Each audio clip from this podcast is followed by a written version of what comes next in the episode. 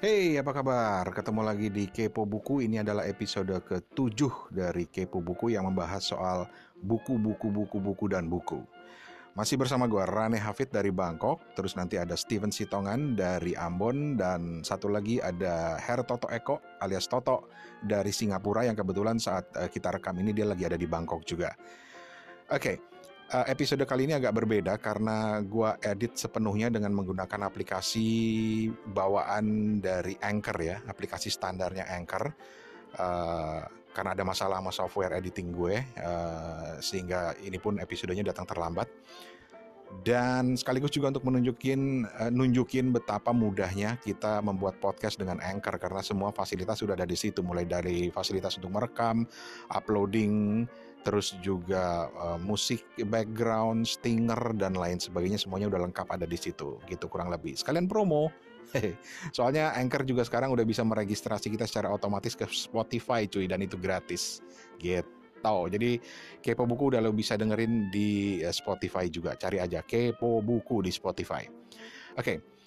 Episode kali ini ada lima bagian, jadi kalau lo mendengarkan ini di aplikasi Anchor, lo akan bisa melihat ada lima bagian. Bagian pertama itu setelah ini ya, ada bagian di mana kita ngobrolin soal toko buku. Toko buku ideal menurut kita itu seperti apa, terus mungkin kita juga menyebut beberapa toko-toko buku yang suka kita kunjungin gitu ya. Terus nanti di bagian kedua ini menyenangkan sekali karena di bagian kedua kita lagi berhayal. Seandainya kita punya uang yang ya nggak gede-gede amat lah uangnya, tapi bisa untuk bikin toko buku. Kita mau bikin toko buku seperti apa? Dan kita masing-masing, Steven, gue dan Toto itu ternyata punya konsep yang berbeda tentang toko buku. Nah, lo bisa dengerin di situ dan kali ada yang tertarik mau bikinin kita toko buku, ntar mau biayain gitu. Kalau nggak ya namanya juga berhayal, boleh-boleh aja dong. Terus uh, bagian ketiga, keempat dan lima itu kita membahas uh, soal buku. Yang pertama itu ada buku tentang uh, semacam biografi dari sosok pesepak bola legendaris uh, Alessandro Del Piero. Terus juga nanti ada buku yang ditulis oleh seorang youtuber Indonesia. Bukunya menarik, konsepnya menarik. Terus juga uh, terakhir nanti kita akan mengulas tentang buku yang di Amerika konon kabarnya sedang sangat hits, sedang best seller gitu ya, sedang jadi best seller, yaitu sebuah novel yang ditulis oleh uh, Clinton dan Patterson. Ya, Clinton yang presiden, bukan Clinton yang calon presiden, yang yang presiden, yang mantan presiden, uh, dan Patterson yang penulis novel kondang gitu. Itu lima bagian yang akan kita bahas di Kepo Buku. Terus juga uh, nanti di bagian akhir sebagai penutup gue akan jelaskan bagaimana lo semua teman-teman baik kita di Kepo Buku, teman-teman penggemar buku bisa sharing review buku kalian melalui audio, melalui suara dengan uh, berbagai macam cara. Salah satunya lewat Anchor dan yang satunya lagi menggunakan WhatsApp. Gimana caranya selengkapnya nanti akan kita kita ceritakan. Tapi sekarang mari kita masuk dulu ke episode Kepo Buku yang ketujuh ini. Dan seperti biasa kalau lagi full tim nih, ada Toto, ada uh, Steven, ada gue. Waduh cuy, rame banget cuy. Editingnya juga bikin puyeng. Udah ditambah error lagi di aplikasi editing gue, tapi oke okay lah. Hasilnya seperti ini. Uh, dan uh, betapa rusuhnya tim Kepo Buku kalau lagi full tim ini bisa kebangga ke, tergambar uh, di bagian berikut ini. Selamat mendengarkan.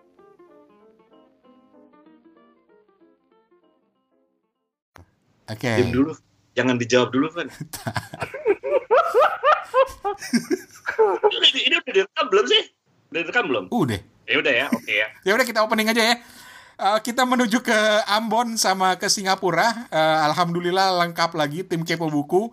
Ada dari Singapura, tapi sebenarnya orang lagi nggak di Singapura, orang lagi di Bangkok.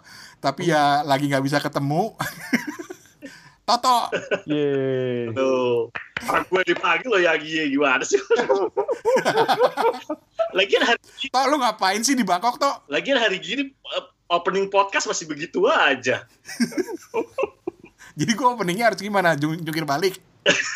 ya apa kayak lu janji gitu? Gue ngapain di Bangkok? Ya biasalah kerjaan kantor lah, apalagi. Gue kan kerjaan selalu dari kota ke kota Oh, kirain ada hubungannya dengan operasi atau apa gitu? Enggak. Enggak, belajar cara mengoperasi iya. Terus di Ambon ya ada Steven. Steven apa kabar? Iya baik. Salam sejahtera Asik. bagi para pendengar. Tahu nggak Steven? Nih nih gue kasih behind the scene aja ya. Gua Iya. sama Toto tuh sebenarnya cita-citanya di Kepo Buku pengen bikin lu meletek. Hmm? Meletak apa? Emang dia selama ini ngapain aja? Sampai Tahu nggak sih istilahnya meletek? Maksud gue, maksud gue, eh, Steven tuh kan image-nya kan serius gitu ya. serius serius Gue mau pengen, pokoknya Toto sama gue mau bikin Steven hancur gitu, meletek banget gitu. kita gitu. Oh iya iya iya iya. Pokoknya misi kita itu sampai lu akhirnya bikin tagar 2019 punya pacar gitu misalnya. boleh boleh boleh. Aduh.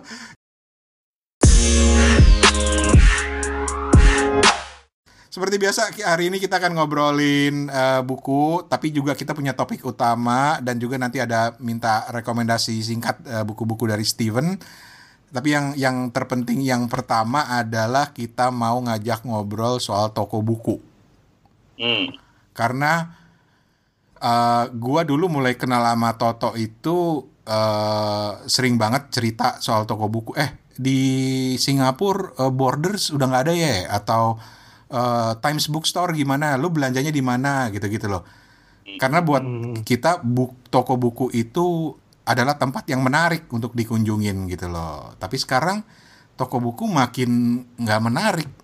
Kalau menurut lu gimana Steven? Toko buku tuh kadang-kadang ini ya butuh roh atau spirit untuk ngenalin buku-buku yang lagi lagi populer sama dia bisa ngasih rekomendasi aja gitu. Lebih ada soul-nya lah.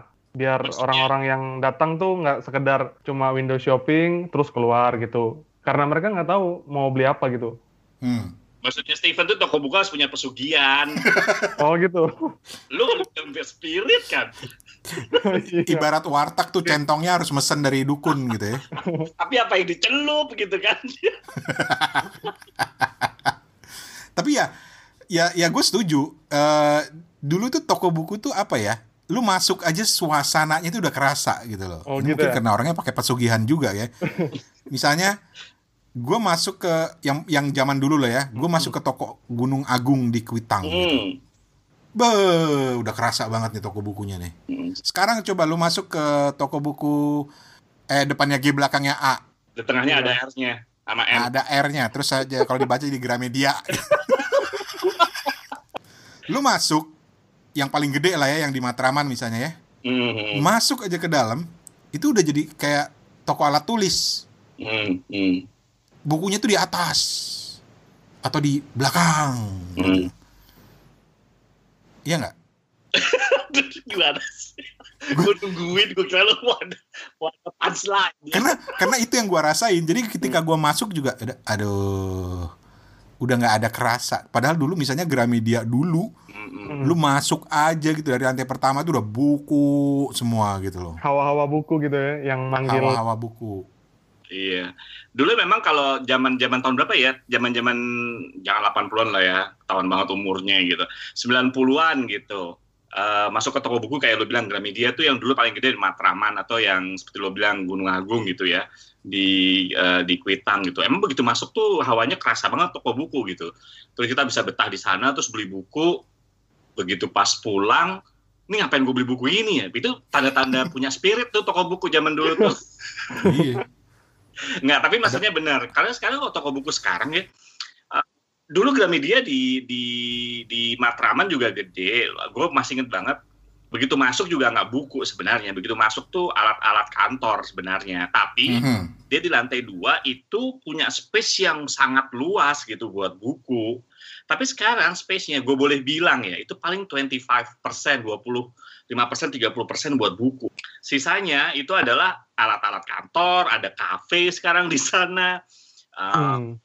jadinya ya gimana ya gue gue gue gue gue termasuk orang yang yang akhirnya ke toko buku juga jadi agak tanda kutip ya jadi males gitu karena eh, jadi nggak fokus kedua juga ya ngapain dulu ketika border ditutup di Singapura itu juga konon gara-gara dia justru kebanyakan masukin barang yang tidak ada hubungannya dengan buku. Contohnya adalah panci, misalnya seperti itu. Serius loh. Itu serius. Alat-alat Panci. alat-alat masak dimasukin bersanding dengan buku. Konon katanya kalau lo beli buku resep kan juga beli pancinya dong di situ. Sekalian sekalian. Ah. Ya, tapi kan jadi nggak ini kan lo beli panci juga panci nggak lengkap di situ gitu. Hmm. Jadi ya ya jadi ini jadi banci gitu ya. Jangan pakai kata itu ya, nggak netral nanti. Eh, jadi, nggak toko kelontong enggak gitu, toko buku juga enggak gitu kan ibaratnya kayak Hmm. gitu. Hmm. Kalau di Ambon gimana? Kalau di Ambon tempat eh, bukunya itu Gramedia paling sama ini toko Dian Pertiwi namanya. Tokonya di lantai dua, lantai satunya stationery semua. Hmm. Tapi yang kemarin aku di Singapore Writer tuh kan ada yang ngomong tuh di sesi sesi industri komiknya mereka komik lokal. Mereka ini nyinggung nyinyirin ini toko buku apa gitu ya yang cuma jual eh, yang jual buku-buku ini buat tes gitu ya. Hmm. Kayak tes-tes CPNS gitu ya. Apa ya namanya ya? Lupa aku. Di Singapura Oh, Iya. iya.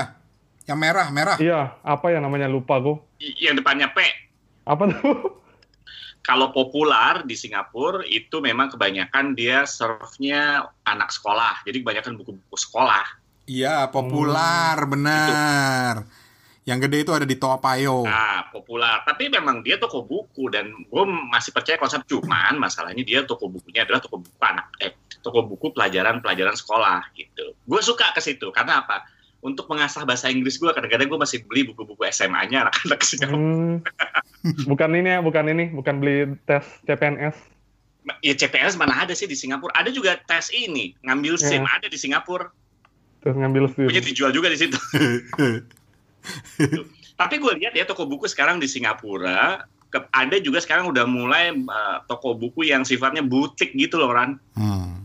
Jadi dia cuman satu kios kecil gitu ibaratnya, tapi bukunya khusus gitu. Kayak misalnya dekat Masjid Sultan itu ada Wardah Book, lu pernah pernah lihat nggak?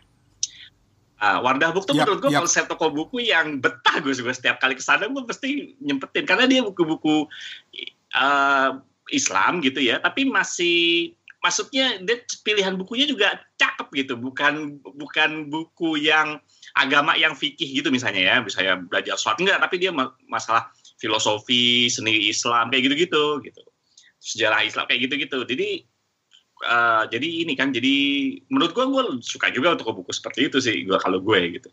Lah kalau kalau lu Steven buku-buku eh toko buku yang ideal menurut lu apa? Kita kita sekarang ngomong ideal nih. Toto, Toto kan tadi udah share tuh. Iya, iya. Toko buku yang ideal tuh menurutku eh, toko buku yang punya pegawai yang tahu lah referensi-referensi buku cakep. update. mungkin mungkin kalau di Indonesia tuh paling mungkin ya belum pernah ke sana juga sih. Yang paling enak tuh kayaknya yang punya owner yang bisa diajakin ngobrol gitu. Kira-kira tesnya aku nih kayak genre ini ini ini, genre sastra, genre sastra Latin misalnya nanti dia kasih ini feedback kamu bisa baca yang judul A, B atau C gitu dari penulis ini gitu. Van dulu pernah ada toko buku seperti itu, cuma sekarang udah tutup. Apa tuh? Aksara? Bukan. Bukan. Rani pasti tahu. Apaan? Lu pernah denger, tahu nggak dulu ada toko buku namanya QB? Yoi. Itu itu ownernya sangat kayak Steven gitu, seneng banget buku gitu. Jadi dia dulu buka toko buku dan toko bukunya bagus menurut gua sebelum ada Kino masuk ya. Cuman kalau menurut gua begitu gua masuk dulu eh gue bilang kayaknya toko buku seperti ini nggak bakal survive deh gitu. Karena dia menurut gua terlalu heavy di literatur. Oh iya iya. literatur eh, si- eh, apa ya kalau bahasa Indonesianya ya Ran ya Eh, nov- novel yang li- sifatnya literasi gitu apa sih gimana sih ngomongnya gue Sastra, bukan? sastra ya buku-buku Sastra. sastra gitu jadi buku-buku yang minimal banget gitu eh, kategorinya eh, main bookers prize gitu misalnya kayak gitu kan Iya iya iya. kan gitu kan kayak gitu-gitu gitu Oke. Tapi tapi sekarang nih kan toko buku juga lagi menghadapi itu kan menurunnya daya beli gitu. Makanya kan di brand di co-branding jadi lifestyle store aja gitu. Hmm. Benar-benar. Kayak tapi kalau menurut lu gimana Van sebagai yang punya punya usaha toko buku gitu ya. Ah, Eh, penerbitan buku akhir-akhirnya juga kayaknya melemah ya. Tadi kan kita sebelum ini ya yang behind the scene kita kita ngomongin ini. Sekarang misalnya novel gitu. Gue ke sana nggak ada novel yang sifatnya baru seperti beberapa tahun yang lalu. Sekarang malah trennya kalau gue lihat adalah novel terbitin itu gara-gara laris manis dibaca di Wattpad baru diterbitin jadi buku gitu.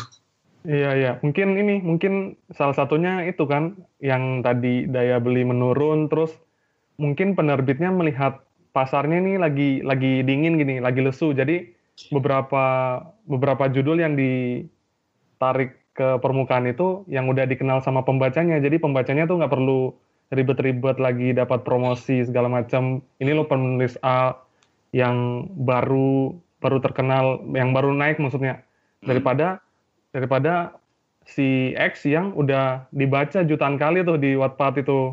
Mereka lebih dapat nama gitu kan, lebih lebih nendang lah istilahnya. Hmm. Lu tuh toko buku ideal lu tuh buat kayak apa sih? Karena Steven tadi kan toko buku idealnya itu adalah ketika pemiliknya itu tahu banyak tentang eh, produk jualan dia, bisa ngasih wajib rekomendasi, bisa diajak ngobrol gitu lah. Kalau lu apa toh toko buku ideal lu tuh yang kayak apa? Toko buku yang ideal buat gue itu konsepnya adalah supermarket. Tapi supermarket buku gitu. Karena mungkin cuman masalah masalah lu tahu ya cara gue ngambil buku itu gue random gitu. Gue nggak pernah punya target tertentu ketika masuk ke toko buku. Jadi ketika gue masuk ke toko buku itu yang gue cari adalah toko buku yang pertama gede gitu ya. Terus pilihan bukunya banyak gitu. Kalau gue lebih suka toko buku tuh yang niche. hmm oke. Nggak usah gede-gede lah.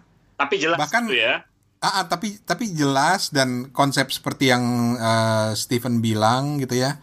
Orangnya itu tahu banyak tentang bukunya gitu. Eh, misalnya di dekat pasar apa itu di Jogja yang dekat Malioboro, Beringharjo. Eh, dekat Beringharjo, eh, agak ke kanannya Beringharjo, itu ada kayak satu gedung isinya itu memang buku. Dia model kayak toko buku Palasari, pasar buku gitu loh. Hmm. Konsepnya pasar bukan toko. Jadi memang los-los kecil, Mm. mulai dari buku pelajaran sampai buku sastra segala macam dan yang jualan itu juga tahu gitu loh apa yang dia jual. Buat gua itu lebih menarik ketimbang masuk ke toko buku besar kayak eh, sorry to say ya, Kinokuniya misalnya. Hmm.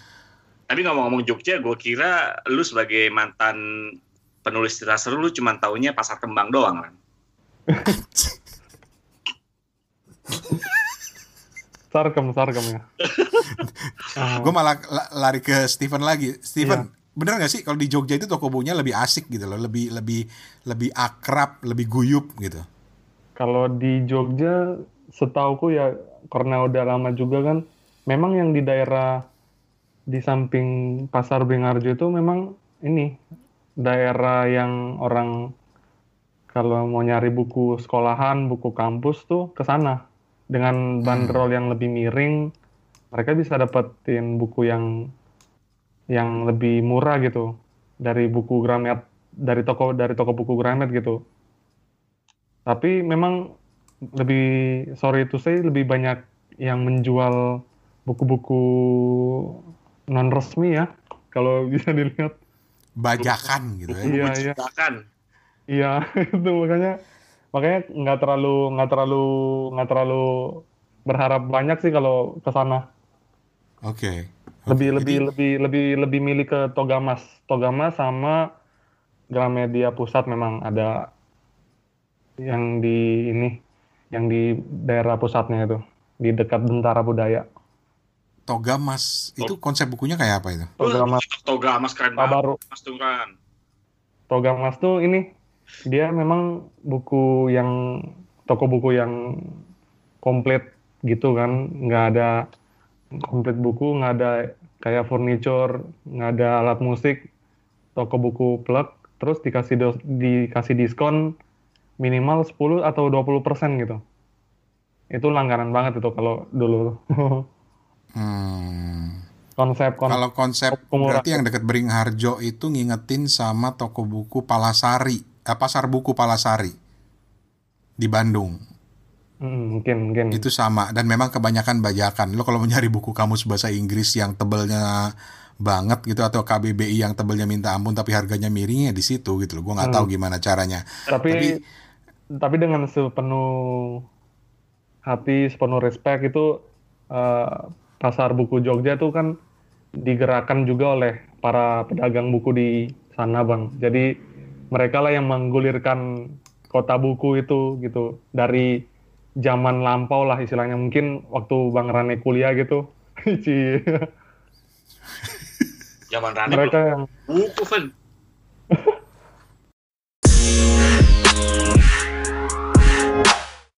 Oke, eh, sebelum eh, kita beralih eh, ke bagian terakhir, gue mau kepoin bukunya Steven.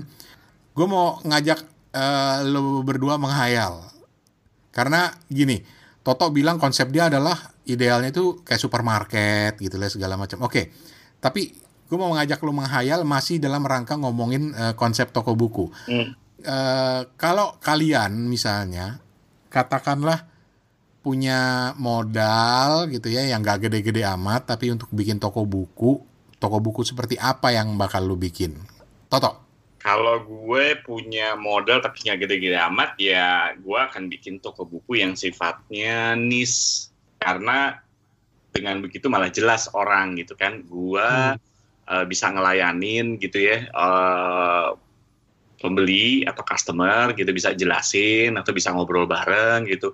Kalaupun gue mau ngan, kalau gue pengen mau bikin bedah buku, gue juga tahu siapa pangsa pasarnya kan kayak gitu jadinya lebih targeted. Kalau orang lebih targeted, secara bisnis juga masih bisa dipertanggungjawabkan. Kalau modalnya nggak gede-gede banget. Ya, sebenarnya Hmm. ini juga lucu ya. Gue kalau ngomong masalah ngimpi tuh, gue pernah ngobrol sama teman gue yang kita sama-sama dia aktivis salah satu aktivis eh, seribu satu buku. Dan kita bilang, yuk kita bikin toko buku yuk gitu. Eh, toko buku yang niche sifatnya gitu. Jadi kita sih juga mikir apa gitu kalau bikin toko buku oh toko buku agama aja ya gitu tapi beda dari toko buku agama kebanyakan gitu yang yang sifatnya lebih ke arah moderat gitu misalnya kayak gitu kan seperti itu Hmm. jadi kalau mau ngundang narasumber atau apa kan jelas gitu bangsa nah, itu kalau modalnya eh, nggak seberapa gitu. Dan kalau menurut gue justru toko-toko buku seperti itu yang bakal survive sih di tengah di tengah apa namanya gerusan c lah gerusan apa namanya eh, online bookstore kayak gitu-gitu. Dan eh, biaya biayanya yang yang juga tinggi kan gitu. Mhm, mhm. gue menarik Hmm. tapi niche-nya apa? Jadi lu mau bikin toko buku agama gitu misalnya? Iya gue justru malah Hmm. bikin ini keresahan gue ya pribadi ya. Semoga tidak diterjemahkan menjadi hal yang gimana gitu ya. Gue pengen bikin toko toko buku yang sifatnya itu karena gue lihat kayak Wardah kayak gitu yang di Singapura. Halo Wardah kalau mau mensponsori kepo buku.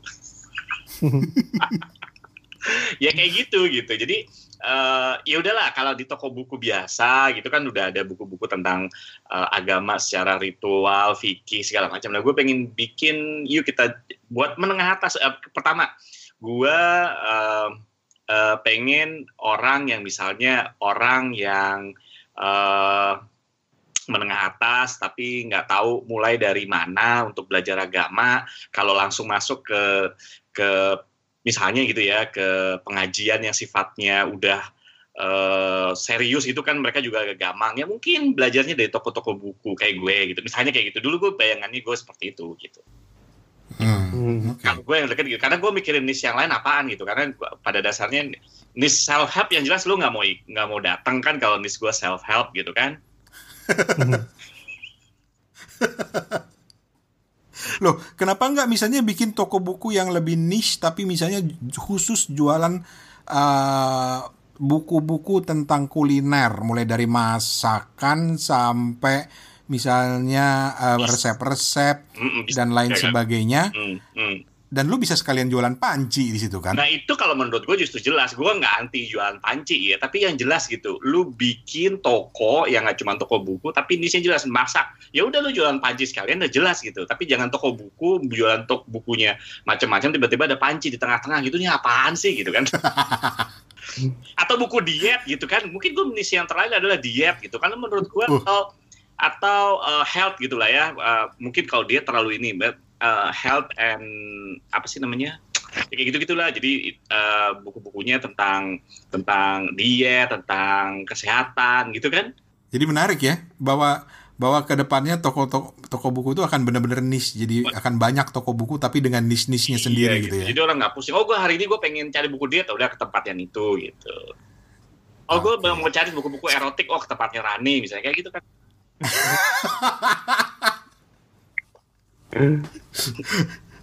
ya udah deh gue terus terang deh Any Arrow itu gue yang nulis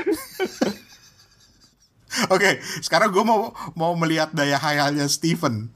ini ini harusnya lebih seru karena Steven sekarang bukan menghayal lagi dia bahkan sudah punya toko buku online. Iya. Aku pengen bikin toko buku online aja gitu.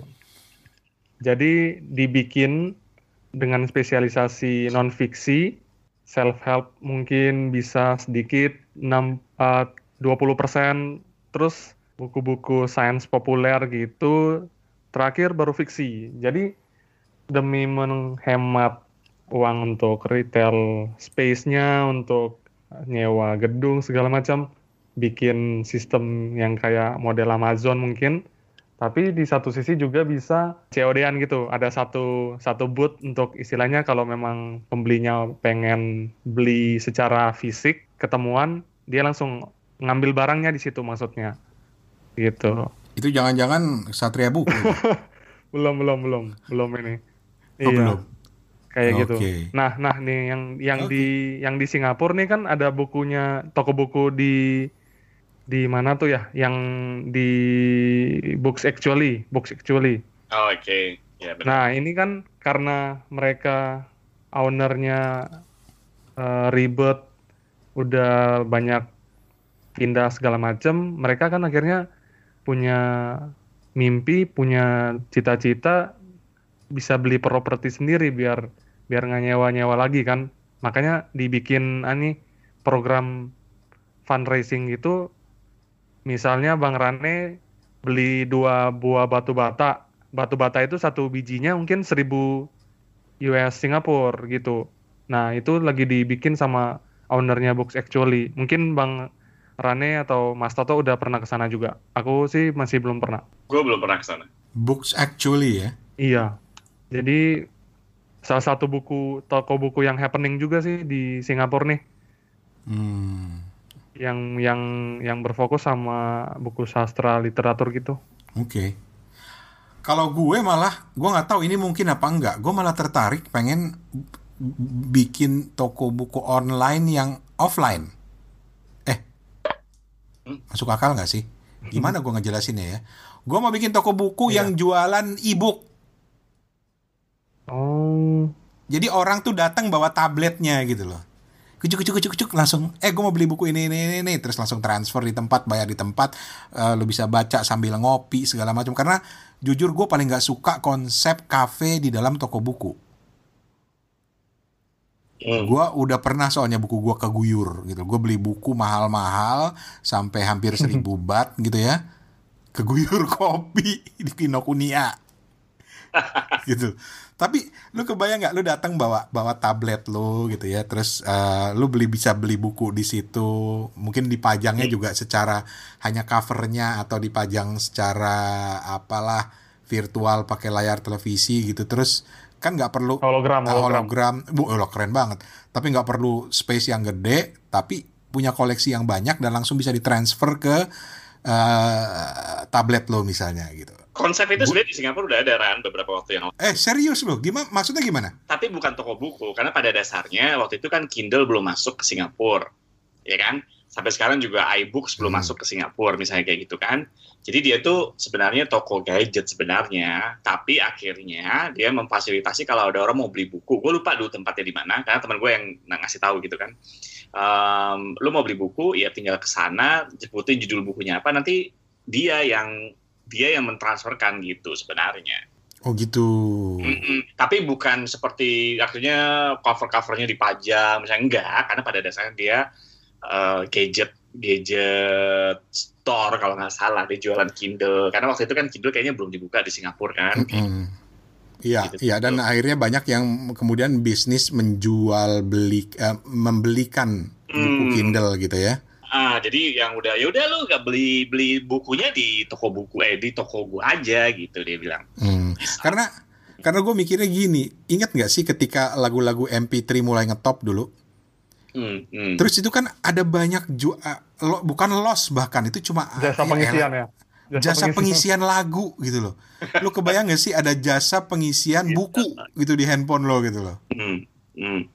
Boleh juga sih. Ya mungkin itu termasuk membantu membelikan dari Kindle atau buku dari Gramedian, eh, Gramedia digital atau atau lu punya eh, ke- koleksi. Misalnya gua tuh pas pulang dari Jepang gue banyak punya banyak koleksi buku PDF misalnya. Tapi kan itu sebetulnya untuk pribadi nggak boleh. Tapi kalau gua kepi- kepikiran kalau ada buku yang bentuknya e-book terus gue punya loss kecil aja gitu orang datang untuk ya itu tadi kayak jasa pengisian dulu kan kita datang ke situ eh gue mau eh, lagu kus plus lengkap ya Oh, beli Iya, bayar berapa gitu Hmm. Karena gue merasa di zaman yang udah online ini dan orang gue yakin pada suatu saat orang pelan-pelan akan pindah ke e-book. Eh, tapi menurut gue yang sifatnya fisik itu tetap ada karena jangan sampai kita kehilangan unsur interaksi dari sebuah toko buku yang bahkan sekarang aja udah hilang gitu loh. Kita nggak berinteraksi lagi. Tapi unsur interaksi dari sebuah toko buku itu tetap ada tetap ngumpul di situ ngobrolin buku diskusi kayak konsepnya si Toto gitu ya toko bukunya Toto yang bisa ngobrol diskusi atau bisa memberikan rujukan kayak konsep eh, toko bukunya Stephen gitu misalnya. Buat gue itu tetap perlu. Jangan sampai ketika kita sudah menuju ke era yang semuanya serba online interaksi di dunia nyatanya udah hilang banget Eh, gitu. dapat pacar di toko buku gitu kan Yo, Iya, i, pengalaman pribadi. ah, lu ya itu gitu Oh, kirain lu toh? Ah, gue sih cuman waktu kita ketemuan di toko buku kan gara-garanya begitu kan lu mundur-mundur gue mundur-mundur nah eh gitu saya kira kita kenal nggak gitu ya Bu, jangan-jangan Steven. ya wes. tapi Stephen Bagian udah tera- putus Hah? Stephen udah putus makanya dia untuk mengenang dia buka toko buku online Aduh, aduh. Iya, udah jagoan ngayal semua.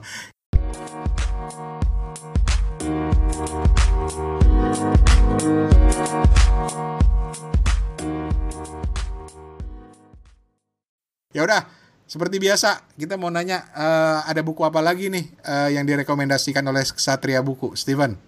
Oke, oke. Yang pertama tuh ada buku biografinya, semacam buku biografi lah istilahnya, dari pemain bola Juventus, legenda Alessandro Del Piero. Wih. Baru baru diterbitkan oleh penerbit KPG, judulnya Playing On. Nah, di buku ini Del Piero, Del Piero yang sering kita kenal lewat tendangan bebasnya yang mematikan itu membagikan bakat, gairah, persahabatan, kegigihan, kejujuran, keindahan, semangat tim, pengorbanan, gaya, dan tantangan. Di tiap babnya ini bukan menceritakan apa ya, bukan menceritakan karirnya gimana-gimana gitu, tapi hal-hal yang dia pelajari tersebut dia bagikan kepada pembaca. Buku yang masih hangat ini. Terus, Asik. terus Sekali yang- lagi judulnya? terus eh, Playing On, Playing On, Alessandro Del Piero.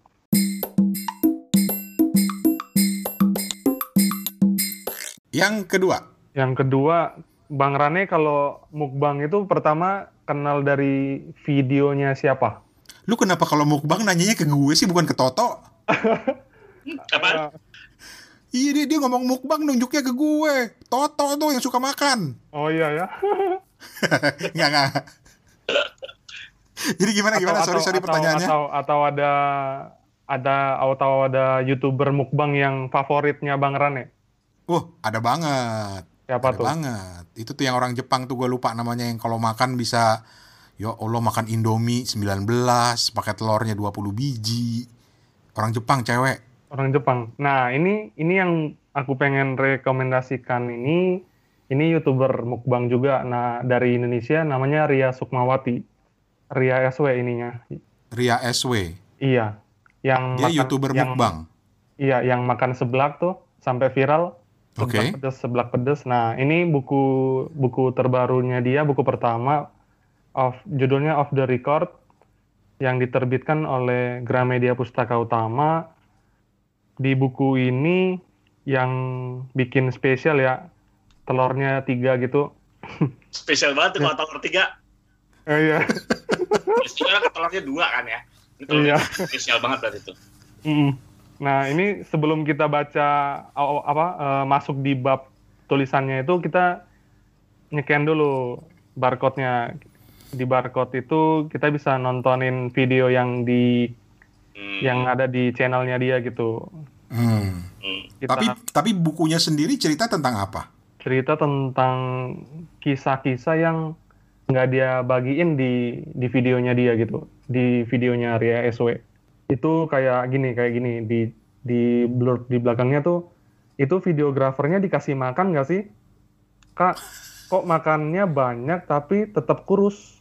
Kak, Eh. ada cerita menarik nggak selama syuting? Nah, itu yang dibagikan sama Mbak Ria SW yang katanya ini Agnes mau KW gitu di buku ini off the record. Seru. Tapi- Tapi emang mukanya persis ya. Makanya dibilang KW.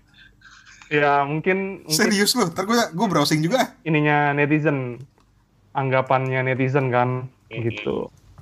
Jadi Oke. bukunya tuh kita kita uh, memang aku kan belum pernah juga nontonin videonya Mbak Arya Yasweni sebelumnya, makanya pas dari awal tuh langsung uh, lihat dulu ini videonya satu-satu, introduction, terus sebelum baca misalnya di rekor sebelah favorit level 5 di di sebelah baris kiri tuh ditulis gini stalking dulu videonya di sini.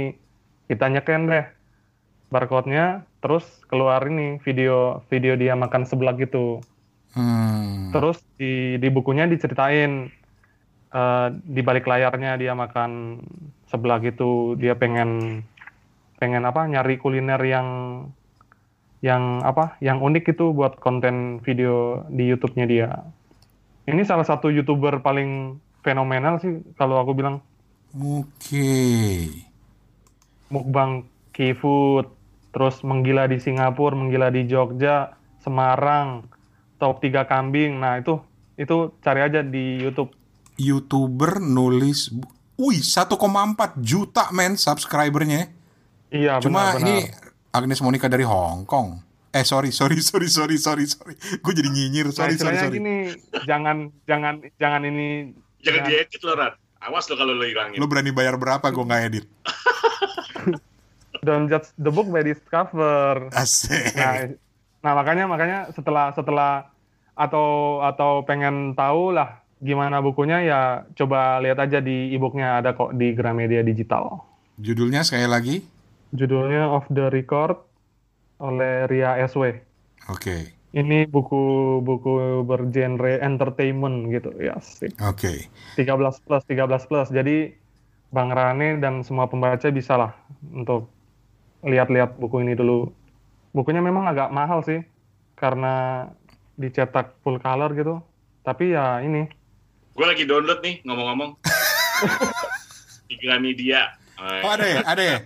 Ada off the record. Oke. Mhm. Oke, nanti gue jadi coba ya coba istilahnya, beli. jadi istilahnya ini bacaan yang ringan lah yang istilahnya yang yang yang nggak bikin kita terlalu mikir juga tapi ini bisa relate gitu oh di balik layar dia menggila di Korea tuh gimana sih dia kesasar gitu terus dari awal dia jadi konten creator tuh gimana gitu kan sebelumnya juga Ria ini kan kerja di berbagai media kan Hmm. di di SCTV di malesbanget.com gitu jadi produsernya dia Oke. Ah, Toto udah langsung baca nih. Hoi. Ya. Me- memang bahasannya memang agak-agak ini ya agak-agak apa bisa menjangkau kalangan-kalangan milenial juga kan gaya bahasanya tuh nggak nggak pakem yang buku banget gitu pokoknya ngalir ngalir. Oke. dan juga kayak kayak apa eh, ada ininya dia kan ada kayak ngomong sama dirinya sendiri gitu-gitu. Tapi nice lah pokoknya ini bukan sekedar mungkin testimoni ya. Bukan bukan bukan promosi tapi sekedar testimoni ini setelah baca buku sama lihat videonya tuh video YouTube-nya itu digarap dengan profesional satu. Terus nggak sekedar mukbang gitu dibikin kayak ngabisin ten, apa kayak ngabisin cabai 50 Indomie 15 bakul gitu kan tapi kayak dibikin ada apa ya ada ada alurnya gitu ya ada alurnya terus sound efeknya, animasinya juga mantap gitu. Nggak sekedar kayak tantangan habisin makanan dengan cepat gitu. Oke. Ini buat yang nggak tahu atau nanya-nanya uh, mukbang apaan, ya itu kayak semacam food food vlog gitu ya. Hmm. Gitu. Mungkin Bang ini bisa lebih jelasin gitu. kan ini ada proyeknya tuh sama anaknya. Anbungkusin itu kalau rame bukan mukbang gitu. iya iya. Bukan. ya pokoknya bikin vlog yang temanya makanan. Entah itu banyak banyakin oh, banyak banyakin makanan atau tantangan makan misalnya Indomie cabenya 2 kilo gitu misalnya gitu. Jadi Iya. jadi eh, ada kenikmatan tersendiri ketika kita ketika kita nonton eh, orang makan yang otomatis nih aja gue lagi ngiler nih ngeliat dia makan di Korea nih. Nah, nah satu lagi yang aku pengen ngasih tahu, eh, dia tuh berkaryanya ini punya prinsip juga gitu. Dia nggak mau nge-share makanan yang menurut dia tuh makanan yang rata-rata lah gitu istilahnya. Jadi makanan yang masuk di footage vlognya dia itu yang memang yang di atas rata-rata, yang istimewa kalau kalau si Ria bilang gitu, ya yang enak. berarti dia nggak akan ngevlog makan gemblong dong ya Apaan tuh? orang Ambon nggak tahu gemblong Gemblong Bu Juju keren tuh. Yo, i. Steven nggak tahu nggak tahu gemblong. Coba nanti tolong di Google ya Steven ya. Iya, makanan tradisional ya. iya. iya, iya. Oke. Tapi nggak tahu kalau Toto gue bilang lu tahu bagea, lu tahu nggak tau? Bagea, gue nggak ngerti apa tuh. Nah itu sama aja. Steven nggak tahu gemblong, eh, Toto nggak tahu bagea. Udah tinggal Gue di tengah-tengah tahu semua. tinggal Google, tinggal Google aja. Iya, Tolong Google.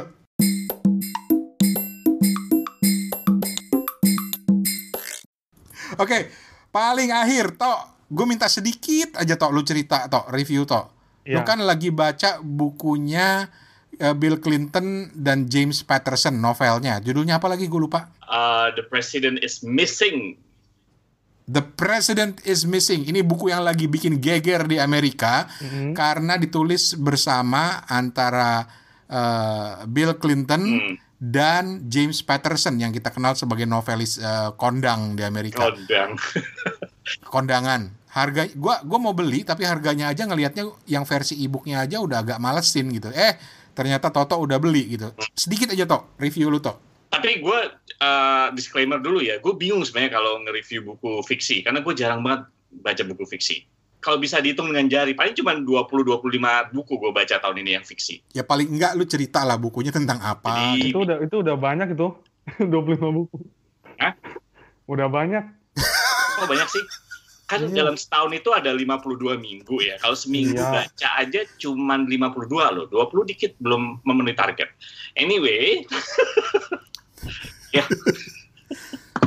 Jadi buku ini sebenarnya novel, thriller, menceritakan salah satu seorang presiden di Amerika Serikat namanya um, Duncan. Lengkapnya siapa sih? Jonathan Lincoln Duncan gitu lah ya stereotip sebenarnya ceritanya gitu. Kalau lu suka nonton kayak film-film 24, film Air Force One atau yang terakhir ada eh, apa namanya designated designated survivor ya sebenarnya tipe-tipe seperti itu gitu. Dia ada hearing kayak gitu-gitu. Jadi eh, karena thriller eh, ya sebenarnya nggak nggak jauh beda gitu dengan cerita-cerita seperti ada teroris, kemudian nanti presidennya mau dibunuh gitu kan. Ada cyber attack jadi kayak gitu-gitu sebenarnya. Tapi ada satu yang gue boleh bilang ya mungkin orang mungkin akhirnya banyak kalau gue lihat reviewnya ya ada yang kecewa katanya eh ya kok ceritanya cuma kayak gitu. Tapi what can you expect as a thriller gitu ya? Lu harus mendudukan pada porsinya kan? Tapi ada satu yang sebenarnya kalau menurut gue eh, kenapa buku ini spesial ada beberapa ya contoh aja gitu ya. Menurut gue kegelisahan seorang mantan presiden ditumpahkan di sana. Hmm. misalnya uh, dan gue yakin ini pasti dari Bill Clinton. Misalnya uh, ada satu scene di mana dia lagi incognito kemudian ketemu sama salah satu veteran gitu kan Gue kira ini ketemu Monica Lewinsky. Nah, itu kan mau lu lu memang sebagai alumni CCS lu emang selalu begitu ke sana sih. sorry sorry, lanjut lanjut lanjut lanjut lanjut. Gue juga nyari-nyari mana kok kagak ada yang tentang itu ya gitu. Uh, uh, ya misalnya kayak gitu ya, nah, dia adalah salah satu incognito dia gitu ya, dia nggak dibuntutin sama Secret Service, kemudian dia ketemu salah satu veteran, sebenarnya bukan cerita utama, cuman dia ketemu salah satu veteran yang akhirnya veterannya itu homeless gitu-gitu, misalnya kayak gitu ya. Uh, dibilang kasihan ya ada orang yang membela negara tapi akhirnya dia nggak punya nggak punya kemampuan lain kayak jadi homeless kayak gitu-gitu gitu. Hmm. Atau dia juga melihat pada saat itu juga ada orang yang orang kulit hitam misalnya gitu lagi di uh, apa namanya lagi ditangkap polisi gitu in the middle of uh, lagi di lagi berusaha ditangkap polisi gitu kan dia juga menumpahkan kayak gitu ya kadang-kadang gue sebagai presiden kayak gitu kan gue cuma bisa berbuat yang terbaik yang within my boundary gitu at the end ya banyak hal yang nggak bisa gue lakukan sebagai seorang presiden gitu.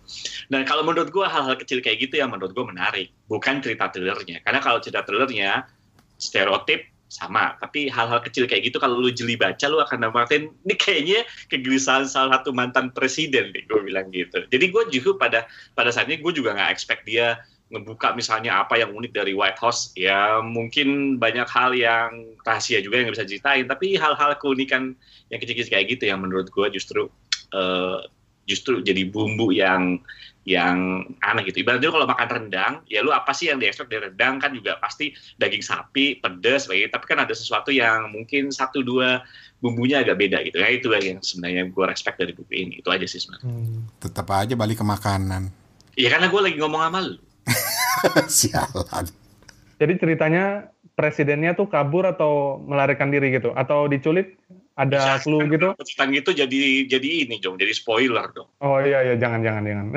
Tapi emang ada ada ada ada kemiripan dengan judulnya bahwa presidennya hilang. Mm -mm. Oh oke, okay. udah okay, udah udah okay. udah cukup sampai di situ udah.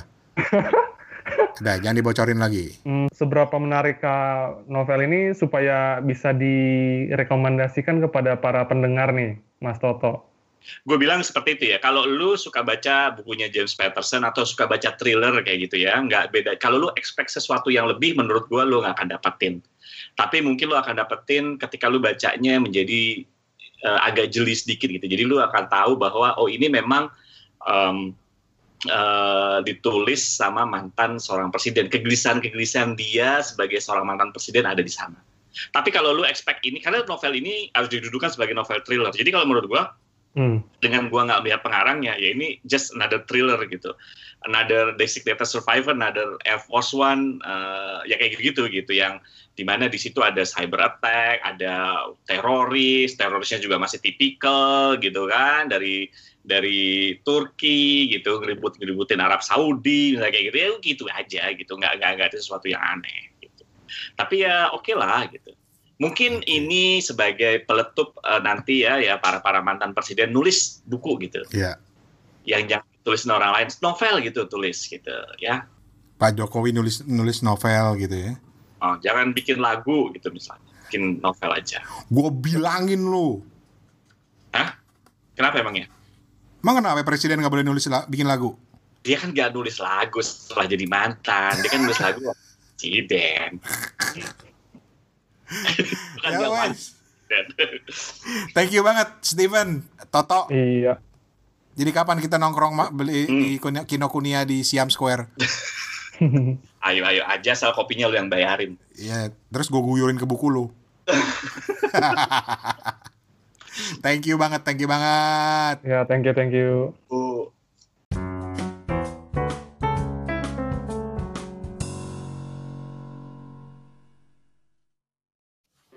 Dan itulah episode Kepo Buku ketujuh kita kali ini. Terima kasih banyak buat yang udah download dan dengerin. Uh, terakhir sekali sebelum kita tutup, gue mau uh, sharing tentang sebuah eksperimen yang kita lakukan di Kepo Buku, yaitu kita mau ngajak sebanyak mungkin teman-teman untuk berbagi cerita atau review tentang buku-buku yang kalian baca atau buku-buku favorit kalian yang udah pernah dibaca, yang sangat kalian rekomendasikan gitu. Karena prinsip atau filosofi dalam tanda kutip dari kepo buku ini adalah cuma pengen tahu, cuma pengen kepo uh, tentang buku apa sih yang jadi favorit kalian atau yang sedang kalian baca. Karena kadang-kadang rekomendasi buku yang ada di toko buku yang disebut bestseller dan seba lain sebagainya belum tentu menarik buat kita. Jadi akan lebih menarik kalau kita bisa kepoin uh, selera kalian dan buku-buku kalian seperti apa. Uh, uh, mudah-mudahan bisa bermanfaat gitu ya buat yang lainnya. Oke. Okay. Uh, seperti udah gue janjiin tadi, kita lagi bereksperimen untuk mengajak kalian melakukan review. Caranya simple aja, yaitu dengan mengirimkan suara kalian sedang melakukan review buku tersebut. Gitu. Cara yang pertama adalah kalau kalian mendengarkannya melalui aplikasi standarnya Anchor, pada saat kalian sedang mendengarkan episode ini, coba lihat ke bawah, ke kiri bawah, atau ke kanan atas ya, tergantung lagi ada di mana di Anchor. Itu ada tulisan message, plus ada tanda tambah gitu ya, message. Klik di situ dan langsung kalian bisa uh, berbagi buku yang kalian uh, lagi baca atau lagi pengen share atau rekomendasikan kepada kita. Durasinya satu menit, tapi kalau kurang silahkan ditambah satu menit lagi karena memang aturan dari Anchor seperti itu. Itu cara pertama kalau kalian pengguna Anchor.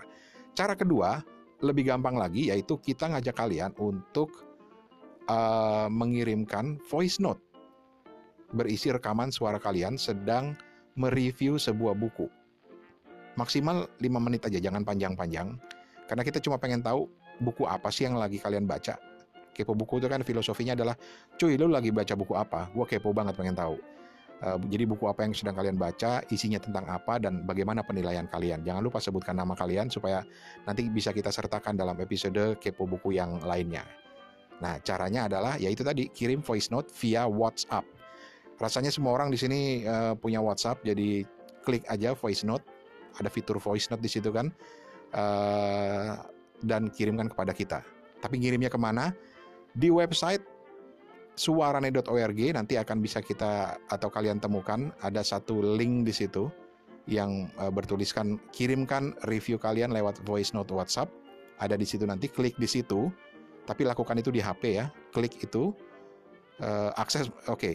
Gue ulang deh biar lebih jelas. Akses suarane.org uh, dari handphone, kemudian klik ke episode kepo buku yang mana aja gitu ya, mulai dari episode ini ke depannya.